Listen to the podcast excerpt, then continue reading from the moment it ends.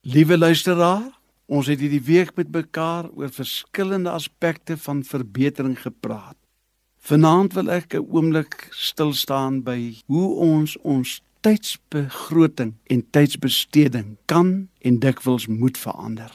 Efesië 5:16 in die Bybel sê en koop die tyd uit omdat die dae boos is. Tyd is baie kosbaar, te kosbaar om nie elke oomblik ten goeie te benut nie. Die dae het te min ure. Die weke het te min dae en die jaar het te min maande. Die jare snel verby as ons 70 sou word, het ons maar net 25900 dae beskikbaar. Voor ons sien is die dag, die week, die maand en die jaar om. Dit was nou die dag Kersfees en nuwe jaar. Kersfees, 'n nuwe jaar kom alweer vinnig nader. Baie vinniger as wat ons dink. Mense vermors dikwels waardevolle tyd op onnodige, nuttelose dinge. Vir baie mense bestaan die lewe net uit werk en plesier, maar voor 'n mens dit regtig agterkom, is die tyd vir ewig verby. Paulus vermaan ons ook in Romeine 13 dat die uur vir ons reeds daar is om uit die slaap uit wakker te word agter te kom dat daar is nie tyd om te verspeel nie.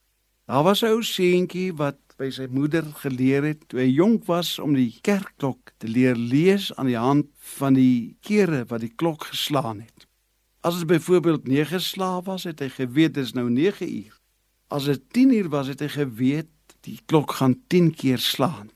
Maar op 'n sekere dag het die klok vasgehaak en net bly lui en lui en lui en lui totdat hy nader vir sy moeder gaan vra: "Mamy, hoe laat is dit nou?"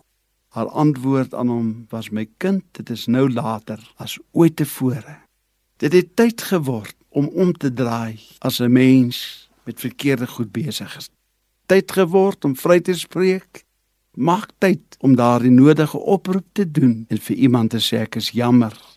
Verskoon en vergewe my.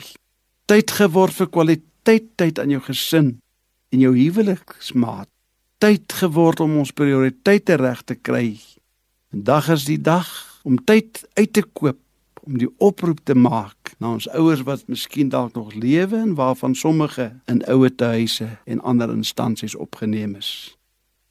Ons dankie getroue en almagtige God dat u liefde ons gedra en deurgedra het. En dankie dat u belangstel in die mens en ons wil leer uit u woord dat ons moet verander, dat ons kan verander en dat u deur u liefdevolle woord en gees vir ons wil leer hoe ons kan verander tot u eer.